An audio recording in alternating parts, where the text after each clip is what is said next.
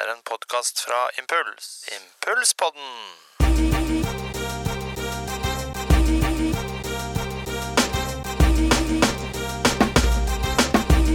Endelig en ny episode av Impulspodden! Jeg har gleda meg sånn. Det her er så kjekt. Det er gøy å bare sitte og snakke med deg, Thomas. Jeg har gleda meg mer. Ja. Så kjekt å se deg. Dronning av Impuls, Grace Anne. Takk, takk, takk. dette er nummer fire i rekken, Det er det. og dette blir en spesiell eh, episode. Det blir faktisk det. Hvem er det vi har med oss uh, i dag? Vi har en statsråd. Åh, Så mammaen din ikke var uh, likte podkasten vår før, så kommer hun til å være ekstatisk nå. Det er jeg ganske sikker på. og hun kommer nok til å elske den. Det tror jeg på. Hva skal vi spørre han om? Så masse. Kanskje vi får frem noe som han ikke har sagt før? Det hadde vært lekkert. Ja. Definitivt. Ja. Som dere sikkert skjønner, så har vi med oss utviklingsminister Dag Inge Ulstein i dag. Og det kommer til å bli kjempespennende. Ja. Tenkte Bare for eh, litt over et halvt år siden så forandra ble hverdagen hans snudd litt på hodet. Og på vei ut eh, som byråd Eller han hadde, han hadde slutta som byråd i Bergen, og så, og så hadde de tenkt å Nå er det liksom familietid, nå skal vi gjøre noe sammen. Og så får han en telefon fra Erna Solberg. Jeg gleder meg. ja, Skal vi bare, skal vi bare sette i gang? vi gjør det.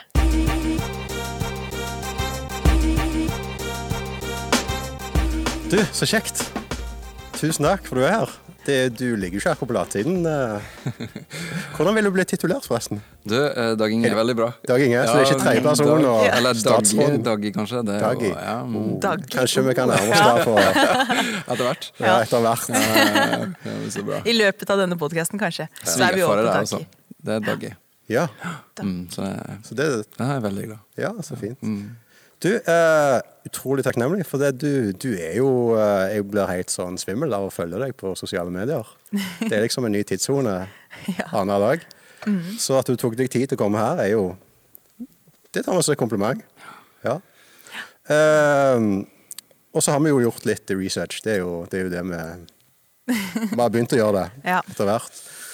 Og så eh, må jeg når, nå, nå, dette, det, Vi har et spørsmål som er det som dukker opp. Nå, sant? Jeg har spurt litt rundt i miljøet. Hva ville dere spurt utviklingsministeren om? Eh, Så når, når dette spørsmålet kommer, så gjør jeg det i journalist, eh, journalismens eh, tjeneste. Sant? Ok. Men hva i all verden er en utviklingsminister? Nei, altså jeg visste jo eh, ikke veldig mye om det sjøl heller, da, før, eh, før jeg fikk spørsmålet. Um, nei, det er jo et utrolig spennende på en måte del av regjeringa jeg får lov til å være med og lede. Det er det aller mest spennende, for å si det enkelt. Det som er litt gøy, er jo at, eh, at du får på en måte drive både med utdanning, det er helse, det er klima, det er næringsliv, det er gründerskap. Er liksom, alt møtes i det målet om å få være med og gjøre verden til en enda bedre sted. Mer rettferdig. Um, og så slipper jeg jo den verste kranglinga hjemme. Altså nå tenker jeg regjeringa, altså. Virkelig, ja, og det kunne virkelig misforstås. Eh, Men i regjeringa på en måte sånn eh, innenriksgreier. Og det er jo utrolig kjekt å få være med og bidra. Og Norge har hatt en utrolig liksom, har en stolt historie da, når det gjelder bistand. Mm. 40 milliarder er det vi som er i budsjettet omtrent. Så det når jo veldig langt, hvis vi bruker det rett. Men hvordan er det da en gjennomsnittlig dag ser ut for deg? Hvis det fins noe gjennomsnittlig dag, da. Nei, det er veldig, veldig forskjellig, da. Jeg har sykt mange flinke, dyktige folk rundt meg som har erfaring fra å ha jobba ute i konflikter, jobba på forskjellige, forskjellige land på forskjellige områder. Eh, Så det begynner ofte med et, et morgenmøte ganske tidlig i Utenriksdepartementet. Og så er dagen lina opp, da. Eh, Så når jeg er her til land, så er det jo veldig mye mm, ting som skjer der. Enten regjeringsmøte eller statsråd eller sånn type ting. Eh, og så har jeg muligheten til å få reise ganske mye, sånn som du sier. Og har prøvd å gjøre det en del mm, nå i oppstarten, og få bli kjent med det arbeidet som vi gjør. Og sett litt forskjellig. Så nei, det er utrolig meningsfullt, det må jeg bare si. Eh, og så er en plutselig veldig mange rare settinger, da, som du bare aldri har sett seg sjøl i. Så det mm, Men det er veldig lærerikt. Men når du er ute og, ute og reiser, ja, eller når jeg har vært i, i såkalte u-land, ikke sant, så merker jeg jeg, jeg tar på meg litt sånn Jeg tar på meg en sånn hatt eh, der jeg, jeg, jeg plasserer meg litt sånn på toppen av næringskjeden, og så drar jeg, og så tenker jeg hvordan Og så holder jeg meg sjøl litt sånn ansvarlig ved hvordan kan jeg eh, tjene, tjene denne, liksom, denne kulturen jeg trer inn i. Og så er det noe litt sånn Og så drar jeg hjem igjen skam, litt skamfull. Skjønner du hva jeg mener? At, at, eh, at eh, jeg drar inn så, som jeg tror at jeg, jeg er en, en slags frelser inn i dette her, ikke sant? Og, og så drar jeg hjem skamfull og kjenner egentlig på at de har lært meg mye mer enn jeg har klart å gi de. Er det klar- Men jeg kjenner meg igjen. for eh, det er, det er sånn Og jeg tror mye av norsk bistand Jeg sa det er stolt historie, men samtidig så er det mm, har det nok til tider og fortsatt liksom litt sånn ovenfra ned. Vi kommer med vårt. Um, helt åpenbart så har vi veldig mye å lære, men samtidig, hvis vi ønsker forandring, så må jo den òg det, det kan aldri være vi som kommer og lærer noe eller bidrar. Og kall det bistand, selv om 40 milliarder er mye, så må aller, aller, aller mest av de pengene skal til for å gjøre den endringa som skal til. De må komme på en måte fra landa sjøl. Eh, det handler like mye om å få skattesystem, få slutt på korrupsjon, veldig mye annet som må komme derfra. Og så er våre bidrag en veldig liten del av det. Men eh, nei, det er akkurat det samme. Jeg blir eh, Vi er så privilegerte. Vi tar så vanvittig mye for gitt i hvordan vi har det her. Um, Verst av alt er jeg tror vi har det for godt, slik at vi mister mye av det som betyr mye mer enn det vi, vi tror. da. Ja, for vi, vi- strøgler jo med våre ting her òg. Tenker Når du er ute og, så, og, og føler disse kulturene på kroppen, er det ting du tar med hjem som du tenker at eh, eh, Oi, med, med, dette lærer jeg derfra. Det er jo litt sånn helt uavhengig av om det er eh, en, en, en minister eller på en måte andre som vi har møte med, eller om det er folk som jobber i en frivillig organisasjon som har et vanvittig engasjement for folket sitt, eller om det bare er tilfeldige folk vi treffer på gata. Så, så mange av de landene jeg har vært da, så er det en sånn enorm sånn åpenhet, i hjertet varme på et vis. Eh, der eh, vi og jeg som fremmed egentlig, Vi er jo ikke sånn her. Altså jeg synes vi, vi liksom, åh, Det er så herlig å komme på en måte til eh, kulturer og, og land der en bare blir invitert rett inn. Um, og ja, bli inkludert, da. Og, ja. folk deler fra livet sine på en måte som jeg bare syns er så, så nydelig. Og det er jo vanvittig lærerikt. Det er um, Jeg føler på mange måter at jeg får bygd opp en bank, da. Eh, som om jeg aldri får delt det med noen, så bare kjenner at det, er, det betyr mye for egen del. Mm. Ja, sant. For du lar deg bevege av historiene du møter om menneskene Ja, du ser. det er Ofte så blir du på en måte bevegd av um, Altså du tenker at du, du, du forbereder på hva du skal treffe. Om det er en flyktningleir som liksom vet at det er tøffe situasjoner, eller om du treffer et gründerselskap på en måte som i, midt i en eh, i et land eller et område der du ikke trodde sånn skulle finnes. Så liksom har du bilde på hvordan du tror det skal være, og så plutselig møter du enkeltpersoner, enkelthistorier som bare liksom mm, slår deg helt i bakken. Da. Så det er Nei, jeg blir ofte overraska, altså. Du, Dag Inge, vi, vi har litt sånn eh, lytterspørsmål som eh, vi bare henviser til. Ja, Er det noe jeg må liksom løf, eh, lette litt på Eh, slipset? vi, vi får se. Nå kommer det. Vi får se. Vi har iallfall fått et spørsmål fra Utviklingsfrue. Jeg vet ikke helt hvem det er. Ok, men, eh, knapper opp ene, da. Ja. Det vi. ja, Vil, yes. eh, hvilke skills lærte du som taxisjåfør eh, som du nå drar nytte av som utviklingsminister? Ja, taxisjåfør. Altså, det var jo en tanke at jeg kunne ha blitt det. Ja.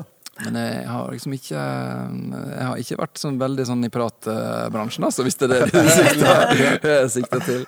Eh, men eh, det var faktisk en periode der jeg, jeg søkte om å bli eh, taxisjåfør. ja. Tenkte at eh, Ja. Eh, og det, er det er kanskje litt sånn sært, da, men jeg hadde jobba i kirke. Vært liksom i kirke og sånt. Og så eh, Skal jeg være helt ærlig, så har jeg aldri, og heller ikke nå, vært et sted der det har vært så intenst og så vanvittig heftig. Og det var enormt spennende å få jobbe med ungdomsarbeid i, i den kirka. Eh, men utrolig slitsomt. Eh, fordi jeg bare kjente at eh, det betydde så mye det jeg fikk stå i. Skillet mellom å på en måte være med venner og familie og jobb og sånn, Det fantes ikke i det hele tatt. Det høres kanskje rart ut, men på mange måter så var det tøffere den jobben enn den jeg har nå. Ehm, og det, da, lang historie kort, det gjorde at jeg faktisk jeg søkte jobb som taxisjåfør. Ja. um, uh, og begravelsesbyrå. Oi. Sendte to søknader. Det her har jeg ikke fortalt til noen. Nei. eksklusivt. Ja. Ja, jeg gjorde det. altså. Jeg fikk ingen eh, av jobbene. ja. Du fikk ingen av jobbene? Nei. Så det var jo litt Så kjipt. nå- Så jeg fikk aldri prøvd meg som taxisjåfør. Så, de, så det kan de tenke på nå. Ja. Ja. Ja. Eh, Vi lar den henge i lufta. Ja. Ja, så bra. veldig bra. ja. Men du nevner jo nå at du har um, jobba i kirke, da. Eller i, og i ungdomsarbeid. Mm. Men har du alltid vært kristen? Eller når er det du tok et standpunkt på å følge Jesus? Jeg har jo vokst opp i et kristent hjem, mm. og nå er jeg jo utrolig glad for det. Men samtidig så var jo det helt klart et valg som jeg, jeg både fikk ta sjøl, og som var viktig for, for egen del. Og, men veldig mye av, av det kristne arbeidet er fra en ganske liten bygd da, på Sunnmøre. Eh, var på en måte kom som et engasjement ut fra familien min. Eh, det var kor, og det var det var liksom type gutteklubb og ungdomsforening og bibelgrupper. Veldig mye eh, av det ble drevet av noen familier. Eh, og mine foreldre var veldig engasjert i det. De flytta til den bygda fordi de hadde lyst til å engasjere seg i kristent eh, arbeid. Eh, så klart, det gjorde jo veldig mye med oss. Eh, på godt og ikke vondt, men det er jo òg til tider kan være litt utfordrende òg. For da skiller en seg jo litt ut ifra andre. Um, Det var ingen som lurte på om på vi var kristne, for vi var på en måte den, en av de familiene som drev veldig mye av det arbeidet utenfor hjemmet og sånt. Så det, um, jeg er glad for det. Men det kom jo til et punkt for egen del da jeg liksom ja, fighta litt med meg sjøl og med andre og tenkte jeg skulle prøve å vise at det ikke var det, på alle mulige måter. Um, uten at jeg hadde sånn superopprør, da. Men um, det var jo på ungdomsskolen. Um, jeg kulminerte egentlig at jeg ble tatt på fersken i å drive og eh, stjele på butikken og noe greier der. Nå sier jeg òg noen ting som jeg ikke har sagt til mange andre. Nå begynner jeg å Ja, OK. Um, det, ja, det trenger ikke være så big deal akkurat å ha gjort det, men samtidig så var det for min del en sånn eh, utrolig viktig del i å, å på en måte ta et eget oppgjør for egen del. Hvem er det jeg ønsker å være? Hvem er det jeg ønsker å tilhøre? Hva er det som betyr mye for meg? Hva er det jeg ønsker skal være retninga i mitt liv? Um, og fra den dagen så har uh, troa bare vært uh, det aller viktigste. Um, og jeg har alltid hatt lyst til at det skal um, Det høres kanskje rart ut, da, men ta styringa i livet, det er jo kanskje noen kan tenke en negativ ting. Men å gjøre seg avhengig av Gud, det er det beste som har skjedd for min del og for oss som familie. Og, Ja. um, og da trenger ikke du alltid å vite liksom hva retning ting tar, Nei. men det er en utrolig, utrolig godt sted å være, da. Ja. Mm. Hvordan kommer det til uttrykk, eller hvordan ser det ut på en måte at du gjør deg avhengig av Gud i hverdagen? Åh, nei I den jobben her så blir det sånn Hvis jeg skulle ha liksom tatt inn over meg alt det som ligger på kalenderen i morgen, eller bare litt seinere i dag, liksom, så, så er det Men å kunne starte hver dag med å Det er jo ikke jeg som inviterer Gud inn den dagen, for han er der, men bare gjør meg sjøl oppmerksom på det. Ja. Eh, lovsang har alltid vært på en måte en stor del av eh, livet mitt, og det å bruke eh, kanskje enda mer enn det å ha lang tid til bønn, men, men det at det er et bibelvers. Så jeg blir vekket av det. På mobilen der kommer det opp en sånn alarm som minner meg om det. og kommer det et bibelvers, og så mm, har jeg mye musikk og lovsang rundt meg sånn på morgenen og gjennom dagene. Og det, det er så, så utrolig godt. Ja. Det er bare sånn ah, frisk vind gjennom eh, livet, altså. Så det, det har betydd eh, masse. Jeg har liksom tatt meg sjøl Min gamle jobben nå, så var det sånn Jeg satt på, på toerbussen fra liksom der jeg bor og ned til sentrum og kunne ta meg sjøl å nesten sitte og småsippe litt, fordi jeg bare kjenner en enorm takknemlighet da, for på en måte at Gud var der og er der og liksom går foran og er rundt og løfter opp og kan gi ting inn i hverdagen. Og det høres kanskje rart ut for folk fra utsida, da. Men hvis vi tror at det vi tror på er sant, at Gud er Gud og at han lever og alt det der, så er det svært, altså. Ja. altså at, at ikke det skal være en viktig del av livet, at ikke jeg kan dele det, det er jo um, helt umulig. ja. Sant. er, Så ja. flott. Veldig fint. Takk. Mm. Nå er vi litt samme, eller vi er samme generasjon, eh, tenker jeg. Og nå kjenner vi ikke vi hverandre, men, eh, men vi har etter hvert fått ganske mange felles venner gjennom musikk og lovsangstjeneste Mm. og osv. Eh, og jeg tenker eh, noe av den samme perioden når jeg sto her i dette bygget og ledet lovsang på Impuls, og ledet du lovsang på UL. Mm. Eh, det må ha vært en utrolig Det må ha vært en spesiell fase av livet, av den ungdomstida der. Å Mm. stå i det miljøet der. Hva, hva arv tar du med deg fra den ungdomstida di? Mm. som, som du kjenner at du Ja, du tar med deg som en arv, da.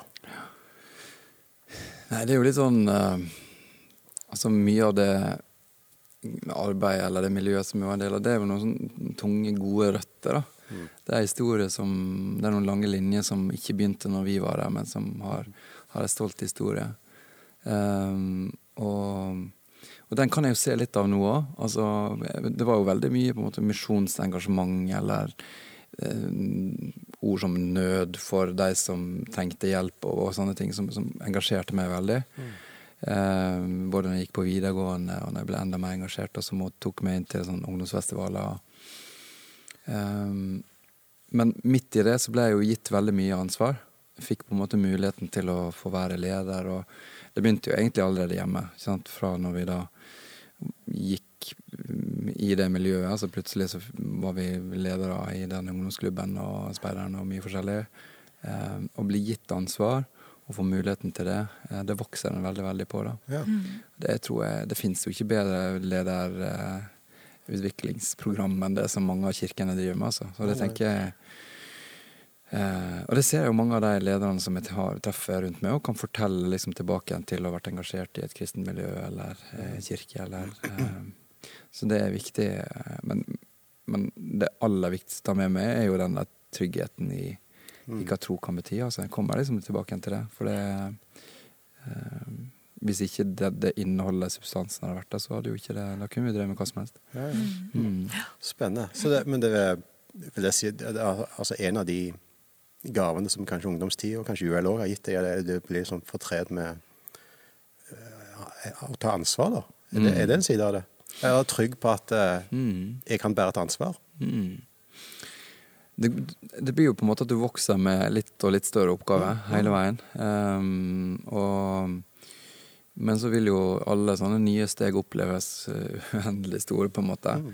Uh, men uh, det har liksom alltid vært veldig som, trygt å være flinke og så gode forbilder jeg har hatt rundt, da, som har sett meg og har uh, vært der òg. Og muligheten til å kunne feile, f.eks. Det, mm. ja, det å gi det rommet. Mm. Det, eh, jeg husker jeg var innom her, faktisk, eh, en gang. Eh, og det var noe av det gode som på en måte kaller orda som gikk ut fra det miljøet. Da. Nettopp det der. Altså det der eh, rommet til å kunne liksom slippe til litt forskjellige folk og kunne se og framelske det og alt. Jeg husker at jeg alltid liksom, syntes det var så fascinerende. Eh, eh, og det Åh, det er så viktig. For det er jo lett for at vi kan bli litt like i sånne kristne miljø. Mm. Vi som leter etter de samme folka, og alle skal mene det samme og alt mulig sånt. Og det oh, men folk er forskjellige, altså. Og folk har mm. kommet litt ulikt på Både på veien med Gud og har ulike egenskaper og ja, måter å se ting på. Det er en utrolig styrke, altså. Mm. Mm. Sant et nytt uh, lytterspørsmål. Ja. Ok, skal vi se. Dette her er fra Electric Drummer. Er Erna like forståelsesfull for dine introverte forsvinningsnumre som gjengen i Electric City var? Ja, ja, jeg tror jeg vet hvem som har sendt inn det. ja. Altså. Mm. ja, kjentfolk. um, skal jeg si litt til bakgrunnen, hva det der greia er? Ja, ja nei, altså, gjerne det. Vi er altså, bare for spørsmålene, så ja. det, vi må gjerne kaste lys over det. Ja, altså, greien her var kanskje at det var eh, Det var jo sånn travel kalender eh, i, i, når vi drev med det her bandet nå. Da. Ja. Eh, vi var vel egentlig litt sånn busy alle sammen på hver vår kant. så helgene når vi skulle liksom møtes om det var i studio eller ute og spille, og sånn, så ble det plutselig veldig mye kortere. For noen kom mye seinere enn egentlig vi har sagt vi skulle komme. Og noen var bare plutselig borte. Noen altså leser kanskje Jeg var i hvert fall litt dårlig til å plutselig bare stikke av.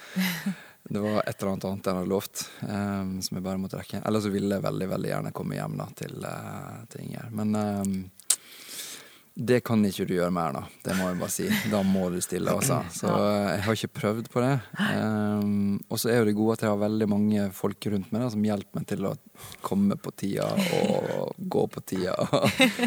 så det er jo det nydelige med det her, altså. Det er, det er mye jeg heldigvis slipper å passe på. Mm. Ja, Så bra. Du skulle bare hatt det samme supportsystemet der som nå. Mm, mm. Den gang. Ja. Mm. Men jeg har rause folk rundt meg, da. Det har jeg nå, og det hadde jeg da. Det er jo mm. eh, Nei, gode venner, altså. De er rause. Så det mm. Så bra. Apropos team team, eh, vi, må nesten gå litt inn i det, skjedde jo, det skjedde jo saker og ting for et halvt år siden, et, et års tid siden. Der skjedde det jo ting. Eh, i ditt liv. Eh, og jeg tenker Disse årene du hadde som byråd i, i Bergen, de, de, ble jo, når vi leser oss opp på det og, og forhører oss om det, så det, det ble jo bare beskrevet nesten som en sånn solskinnshistorie. Mm. Det, du har, det du fikk til i løpet av de årene. Mm. Eh, og, men så, så trår du til side. Mm -hmm. Og til, til NRK så uttalte du med flere i byrådet som er i samme fase av livet. Derfor er det ikke unaturlig at vi nå velger å prioritere familien. Kan du tenke deg? Ja. Dette er jo, dette er jo et halvt år siden. altså, jeg var, jeg var faktisk hjemme, hadde slutta. Og var bare, synes det var Ja, jeg tenkte det var veldig rart. da Jeg hadde vel sånn ro for at det var rett, og var, var hjemme. Brukte tid med, med de som var med ungene hjemme, og med klart for det var hektisk, selv om i lokalpolitikken så er det annerledes. Mm. Men det tar veldig mye av tida. Fordi da er det fulltidsjobb på dagen, og så er det veldig mye andre politikere sånn, som bruker ettermiddag og kveld og sånn. Så det var Det er jo et prosjekt som du må på en måte ha sammen som familie, det òg. Ja. Og for Inge og kona mi og for familien rundt og sånn, så var det Det krever mye tøff prioritering, det òg. Mm. Så, så, det var jo kjempeherlig å være hjemme. Og åh, da tenkte jeg bare jeg skal bare være hjemme, jeg skal ikke jobbe resten av livet. tenkte jeg da. Så det var nydelige uker og måneder sånn sett. Så, så kom telefonen. Ja, den gjorde det. Og mm, hvem er det som ringer? Ja, jeg er så spent på det. Ja. og hva gjorde du da det ringte? Og så var det liksom du vet hva, jeg var faktisk, Vi hadde fått julegave av svigermor at jeg og Inger da skulle sammen med svigerinne og svoger Vi var på et sånt, eh, sånn overnatting på et hotell. Vi skulle liksom ha tid sammen, kose oss, og så ringte telefonen. Akkurat. Jeg sto i treningsstudio der med, med, fruen, og alt var mm. Så det var, det var litt spesielt. Jeg, eh, og det her tror ikke jeg har sagt til noen heller, men det ringte en telefon og sa du kommer til å få en telefon. Oi. Kan du ta den telefonen nå? Oi. Oi. Mm, Hva tenkte du da? Ja. eh, nei, det var jo um, det var, det var, veldig spesielt. Jeg hadde jo på en måte um, kjempa litt for at ikke den regjeringa skulle fortsette, så det var jo egentlig dobbelt eh, rart. Ja, ja, ja, så det var veldig veldig mange rare tanker som gikk i hodet. Altså. Så du hadde ikke forventa at den telefonen kom, og hva tenkte du da det skjedde? liksom?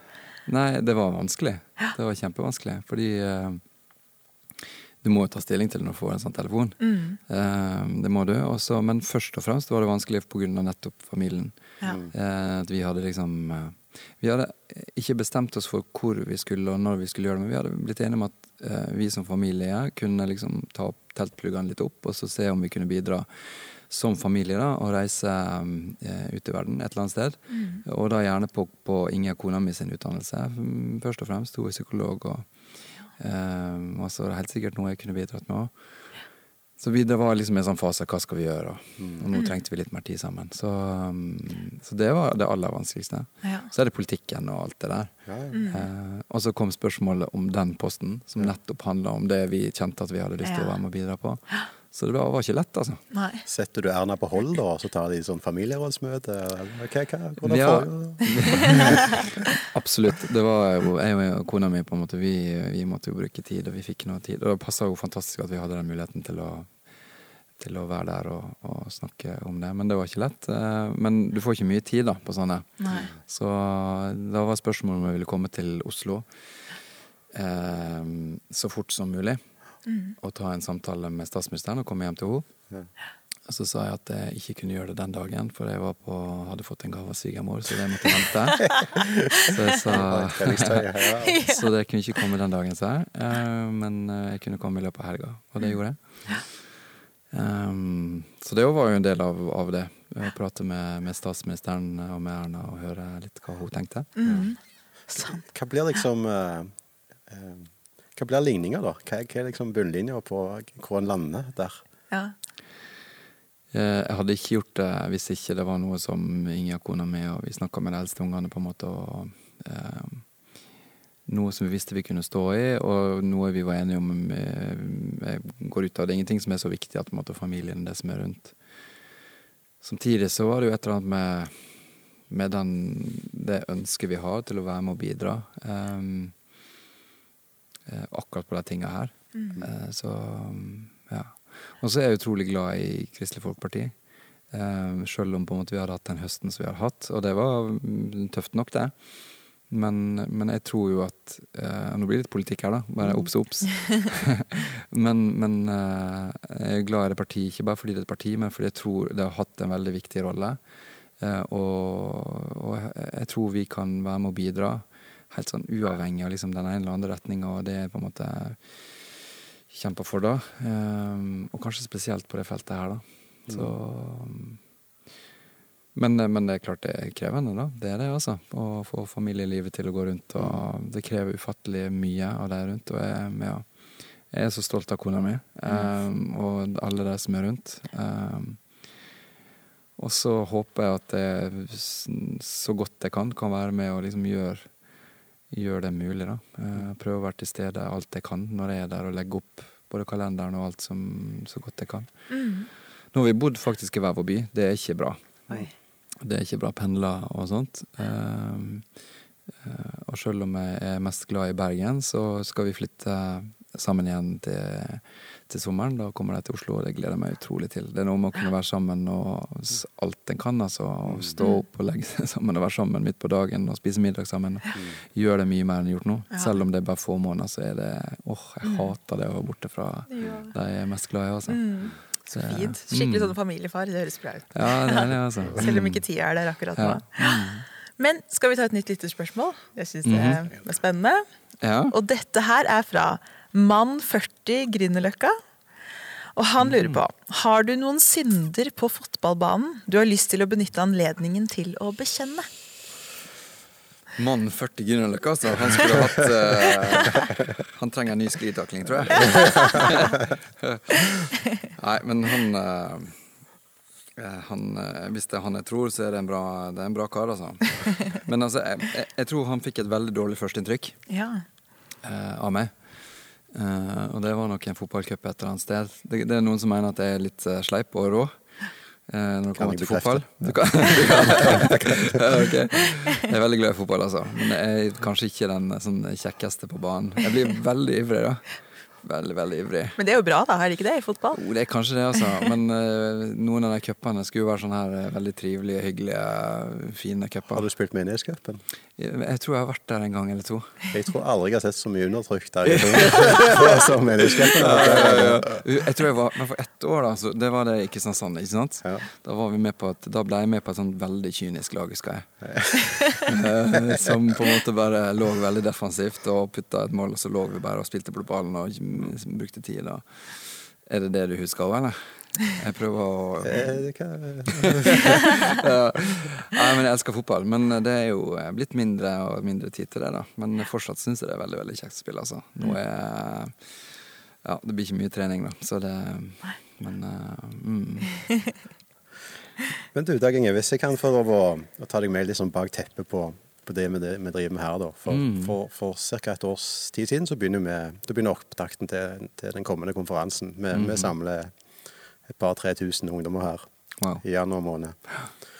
Og så, eh, og så har det jo vært et litt sånn eh, Hva skal jeg si Etter hvert som vi har holdt på lenger, så har det ikke blitt en større bevissthet, men kanskje en, større, en sterkere og sterkere nød, en sånn ærefrykt for at når vi har denne muligheten mm eller får denne eksepsjonelle muligheten til å samle 2000-3000 ungdommer Jeg kjenner sånn at jeg blir nesten svett når jeg tenker på at, at uh, en er så redd for at mulighetene skal forspille. Da. At det blir en sånn Ja, det blir en, en fin En gøy helg, og, ikke sant? Men, men mulighetene som ligger i det, da, å komme sammen, og, og hva, kan vi utrette sammen? ikke sant? Mm. Så en av de tingene vi tenkte i fjor, for et års tid siden, var det hva om vi Eller et av sporene vi tenkte vi kunne forfølge, hva om vi lager en bru inn i den politiske eh, verden? For impuls skal aldri være partipolitisk. Mm.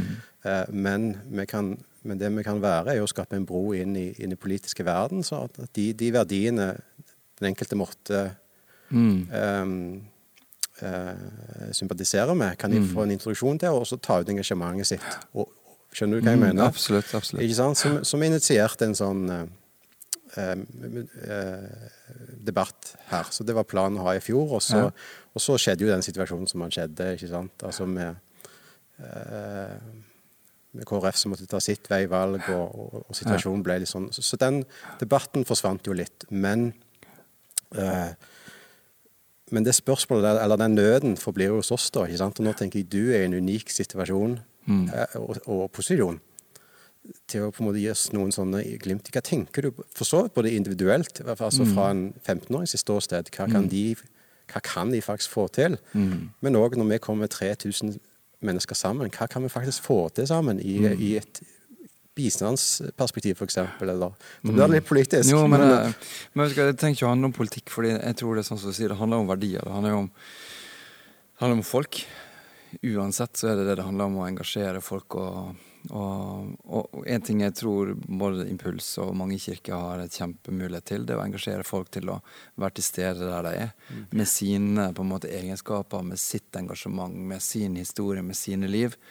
Helt uansett hvordan det ser ut, i alle områder. Om det er liksom som kunstner, om det er som på en måte mm, gründer, om det er som hva som helst, på en måte, så trenger en folk som er bevisste og jeg vil jo si, og det trenger ikke å handle bare om at eh, folk som er troende, på en måte, men jeg, men jeg syns det er så bra å se engasjerte mm, kristne, troende, unge mennesker på en måte som, som tar posisjon da, i ulike områder i samfunnslivet rundt. Mm. Um, og da er jo politikken én sånn på en måte kanal. Mm. Um, det trenger jo ikke være KrF. Altså jeg mener, kjære venner, så masse flotte folk som er engasjert i ulike partier og som, um, ja, som jeg òg kan dele et, et, eh, et, ehm, et, fellesskap med, sånn trosmessig òg. Um, så, så, det er fantastisk. Og jeg tror at det, det å, å, inspirere folk da, til å ta de mulighetene som kommer, mm. Det å drømme på en måte om å få være med og bety en forskjell. Og så ser jeg jo at det er unge mennesker I dag så kom jeg rett ifra fra universitetet her. Møtte to unge studenter der som hadde vært engasjert i en organisasjon som jobber med utdanning eh, inn mot flyktninger i, i flere eh, land, altså i flere u-land, eh, og har gjort det i mange år. Og vært med og gjort en kjempeforskjell. Um, helt ifra de var på en måte Både fra barn og ungdom oppover, på en måte, og nå er det en stor organisasjon som på en måte de representerer. Folk som jeg møter som på en måte brenner for å få en slutt på menneskehandel, f.eks. Mm. Ungdommer som som bruker sitt engasjement, sin tid, og så, og så utgjør det en forskjell. Og så er den brikka med faktisk på å nå de måla vi setter. Mm. Det er, en kan nå så langt. En kan nå så vanvittig langt. Mm. Jeg møtte ei Den første turen jeg hadde etter at jeg begynte, den var til Etiopia. Og Det er jo et land der vi har drevet veldig veldig lenge med norsk misjon og bistand. og en lang, lang, stolt historie. Men et av de aller sterkeste minnene jeg har derfra nå, det var ei ung kvinne som reiste ned dit, starta ei bedrift. Eh, fordi hun så at det var masse eh, jenter, kvinner, flyktninger, internt fordrevne, folk som har blitt utsatt for overgrep og andre, som ikke hadde muligheter til å få jobb. Eh, samtidig som hun så at det var kjempeutfordringer i forhold til miljø, klima, luftforurensning, mye annet. Og så hadde hun den geniale businessmodellen at hun starta et sånt, et sånt sirkulær økonomiprosjekt. Altså hun ga jobb til de samme kvinnene som hadde de utfordringene. Eh, lagde en sånn greie med at folk fikk pant når de leverte tilbake papir, istedenfor bare å kaste det eller brenne det. Eh, og i løpet av få år så er det 7000 kvinner som er i jobb. Wow. Eh, 600 000 barn har fått liksom, utdanning i, i resirkulering. Eh, bare se for deg enorme på påvirkningene det kan komme ut ifra ei dame som på en måte så den muligheten og engasjerte seg. Um, så, som, jeg tror det er mange som kan ha en sånn drømme, og har ideer og har på en måte guts da, til å bare trykke på, mm. og så kan det få, få så store ringvirkninger. Altså. Så det um, hmm. mm. Nei, så det er en fantastisk mulighet. Jeg tror veldig mange av de som er på impuls og kan uh, kan gripe. Altså. Mm. Ja, så oppmuntringen er gjør det. ja, gjør det, altså. Mm. Det, er, åh, det, er, så gøy å treffe sånne folk. Ja. Som bare liksom ikke bryr seg om alle stemmene rundt, men bare mm. kliner til og tenker jo, jeg kan være med og forandre verden. Altså. Og så gjør de det. Mm, sant. Fantastisk. En måte vi i Impulset har vært med på å hva skal man si for noe? Altså, Kjempe for en bedre verden. Må mm. være engasjementet vårt i forhold til Hope for Justice, ja. som er en organisasjon som jobber mot menneskehandel. Og jeg vet at du også har vært i kontakt eller dialog med dem. Mm. Og hva er det som gjør at deres arbeid er um, blir viktig for deg, da, eller i møte med dem å ha en dialog med de? Altså, Hvorfor prioriterer du de som samtalepartner inn mot bistandspolitikken? Jo, altså, Først og fremst fordi veldig mange tror at uh, slaveri ikke er noe som, uh, som finnes i dag. Um, og det er et felt som det ikke har blitt jobba så veldig mye med i mange år.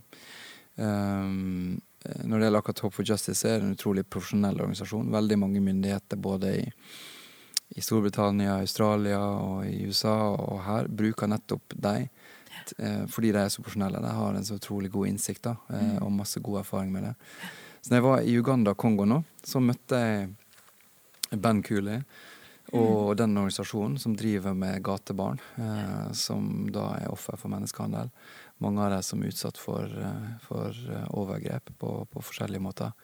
Så sterkt, altså, å møte det. Mm. Men samtidig, det sterkeste som sitter igjen, det er jo den der, den der gnisten til håp som var i de guttene eh, som var der. Som fikk skolegang. Som på en måte Det var på en måte ikke bare en fjern drøm. De, de så at det var mulig. Ja, det var hard jobb for de guttene å liksom komme seg ut av det. Men de hadde hjelp rundt. De fikk bearbeide, de hadde folk som hjalp dem med de traumene. Og de hadde muligheten til å kunne komme tilbake igjen, til og med til sine egne familier. Eh, jeg må bare si at det arbeidet som Hope for Justice eh, driver, det er, det er så flott å se. Eh, og så har det stor troverdighet, merker det både i Utenriksdepartementet og andre. Når de får møte det, så er det bekrefter det bare den viktige jobben. Da. Så det er en av flere viktige samarbeidspartnere. Så det vi gjør nå helt konkret, det er at vi har et, et, et bistandsprogram knytta til moderne slaveri. Um, der mange sånne organisasjoner Vi skal jobbe med både juridiske altså domstoler i de landene, for de trenger å få eh, kunnskap og innsikt til å har fordømt de som, som, står bak det her. Eh, politiet i de landene. Og så er det mer det ordinære arbeidet som mange av de organisasjonene driver. Da, med sånn Lighthouse som de har der, eller Shelter som, eh, som de har. Så det er utrolig, utrolig viktig. Over 40 millioner som er offer for menneskehandel. Mm. Um, og det er Nei, det er så på en måte grusomt. Og så kan vi tenke at det er noe som skjer langt, langt langt borte, mm. og som egentlig ikke angår oss. Uh, men det verste er at se i tekstilindustrien, mm. eller i gruvene i Kongo 40 000 gutter som, som, graver fram de mineralene som vi trenger i elbilen vår eller i mobiltelefonen vår. Mm. Og verden bryr ikke seg om det, altså. Um, så, så, vi må på en måte se at det henger sammen med våre liv. Mm. Eh, og så må vi si at vi vil ikke ha noe av det. Mm. Livet der er viktigere enn vår velstandsvekst. Ja. Eh, og det åh, Jeg mm. håper bare at vi kan være med og bidra til å få en slutt på det. Altså. Det, ja. mm. det engasjerer deg, det skjønner jeg. Ja. Det er bra. Mm. Mm. Viktig. Vi nærmer oss, eller vi går mot en slutt, eller avslutning. Men så har vi en sånn fast spalte da i altså den podkasten som vi spør hver gjest. Og det er hva er de tre største impulsene som du har hatt i ungdomstida di? Eller eh, kanskje de tre tingene i livet ditt da, som har prega deg mest? Hvis man kan si det sånn. Ja. Det var jo et litt sånn stort spørsmål, da. Mm. Hmm. Altså Det som sånn faktisk har prega meg aller mest, er selvfølgelig familien min og omgivelsene rundt. Um, fordi det legger på mange måter en, en sånn base i livet. Da. Det gir på en måte en trygghet, og det gir eh, en retning liksom, ut fra startblokkene, som jeg har vært veldig, veldig glad for. Um, og som igjen ga meg trygghet til å liksom ta retning sjøl og ta stilling til på en måte de tingene som jeg møter. Så, så, jeg må nok si det at det er på en måte aller mest sånn avgjørende. Og så møtte jeg veldig tidlig altså det engasjementet, eller det, det, det, det jeg får jobbe med nå eh, Jeg var på en måte en, en vennegjeng, en kompisgjeng og et miljø som, som, veldig tidlig var opptatt av den type spørsmål. Liksom. Som gjorde at jeg var engasjert i noen prosjekt, som gjorde at jeg fikk reise til Vest-Afrika og lede et, et landsbyutviklingsprosjekt på en måte som var ja, som, som satte òg den delen av kursen i mitt liv, da. Mm. Eh, som, ja jeg har noen sånn veldig sterke bilder egentlig på netthinna fra, fra, fra, fra sanne turer. Fra jeg var 16-17 år, på en måte, som, som, ligger der, og som har definert veldig mye. Um, og så tror jeg møtet med folk som har vært ærlige med at uh, livet har uh, mye mer enn bare det du ser på utsida. Mm. Eh, noen av de aller største forbildene mine er de som kan være ærlige med når livet ikke er så fett. Når kan på en måte være ærlig med det. Og det er jo ikke, det, det er ikke så lett å gjøre i alle settinger, på en måte, men det å ha noen, noen venner, noen rundt seg som på en måte kan dele det, og gi meg en trygghet til å kunne være meg sjøl, um, at vi våger den der sårbarheten. da. Og det må jeg bare si på en måte i? Vi ser ofte utsida. Og det kan liksom vellykka i forhold til jobb, og vil alltid strekke oss til å liksom, ta nye steg og mer suksess og mer sånn, på en måte. Men det, det er så feil å strekke seg etter det. Um, men, uh, men, men til og med i de tinga som en ikke fikser i livet, og de tinga som på en måte tenker skal jobbe mot en, da. Um, det kan være det viktigste egenskapen du har for å faktisk gjøre en god jobb, eller være en god mann eller uh, far eller venn. Og det, og det, håper jeg nå liksom, jeg kan klare å ta med meg, for det er, liksom, det er virkelig virkelig det som har betydd mye for meg, å møte folk som, som er ærlige på det. Mm. Mm. Så Var det tre ting? Var det tre? Var det mer? det var i hvert fall tre. Ja. Langt mer enn tre. Nei, men fint. Takk. Minst, altså. Mm. Du, tusen takk.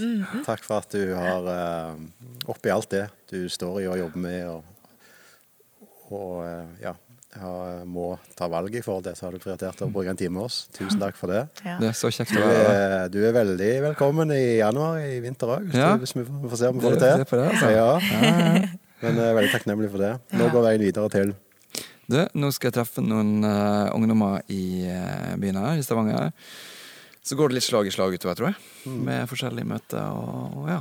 Mm, så det er også I dag ja, så er det vel 17. mai snart. det, det er det. Ikke det? Jo. Ja, så jeg skal tilbake igjen til Oslo, ja. og så er det noen møter der i morgen, noen regjeringsmøter, og så skal jeg til Bergen. Salutt og tale, og gå i tog og være med familien, spise pølse og Ja, ja. Nei, det blir bra. Det er gode dager, det her. er. Ja, Takk skal du ha, Dag Inge. så bra. Mm. Tusen hjertelig.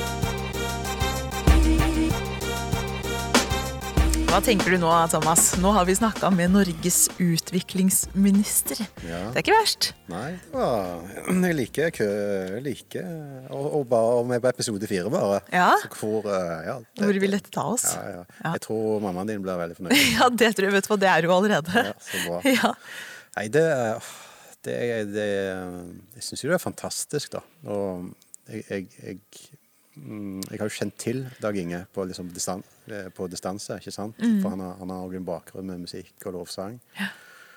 Og jeg, det, jeg syns det er så spesielt ha han, han har, at han har fått denne muligheten, da, og den posisjonen han har, til å Og i bistandspolitikk, ikke sant? I, I utviklingspolitikk. Så det, det er helt fantastisk. ja. Eh, Jeg tenker vi må være i hvert fall med oss som er i kirkelandskap, må liksom huske å be for han. Tenk den situasjonen da eh, han står i. Det må vi gjøre. ja, det må vi huske på. Ja, han er, er god. Jeg ja. er veldig imponert. Han er det. Jeg er kjempeimponert. Og liksom bare sånn Ja, altså ikke hvor han har vært, men liksom hele den reisa, da, på alle tingene han som han setter ord på at han har vært en del av eller fått stå i, da. Det er jo ganske masse. Og jeg tenker tyngden av det han bærer nå, da. Det er jo stort og stort press. Em, ja. Nei, så jeg bare ja, jeg er imponert, rett og slett. Og liksom sånn, den Han er så imøtekommende og så hyggelig og liksom har så mange baller i luften på en måte og så mye ansvar. og Samtidig tar han seg tid til å komme hit og snakke med oss. Og så får vi høre litt av hva som ligger bak, og litt hva han tenker om forskjellige ting. Det syns jeg har vært veldig spennende. Og like spesielt dette han sier med at kjør på hvis du ser et, noe nød eller behov som du får hjerte for. liksom. At man kan faktisk være med å utgjøre en forskjell. da. Og det syns jeg jo livet hans faktisk er et bilde på, da, eller viser. At eh, ja, mulighetene kan virkelig åpne seg, liksom. Og så står han i det han står i nå. Nei, det er, jeg er inspirert. Det er det jeg er. Rett og slett. Jeg kunne snakka i en evighet, sikkert. Og så er han aktiv på sosiale medier. Mm. Ja. Så dagens, opp, eller, eh, ja, dagens oppfordring, følg Dag Inge Ulstein Mm. på sosiale medier. Det, det gjør inntrykk å følge. Ja, Få litt innblikk. Skal vi si det sånn? Det syns jeg vi skal. OK. Til neste gang. Adjø.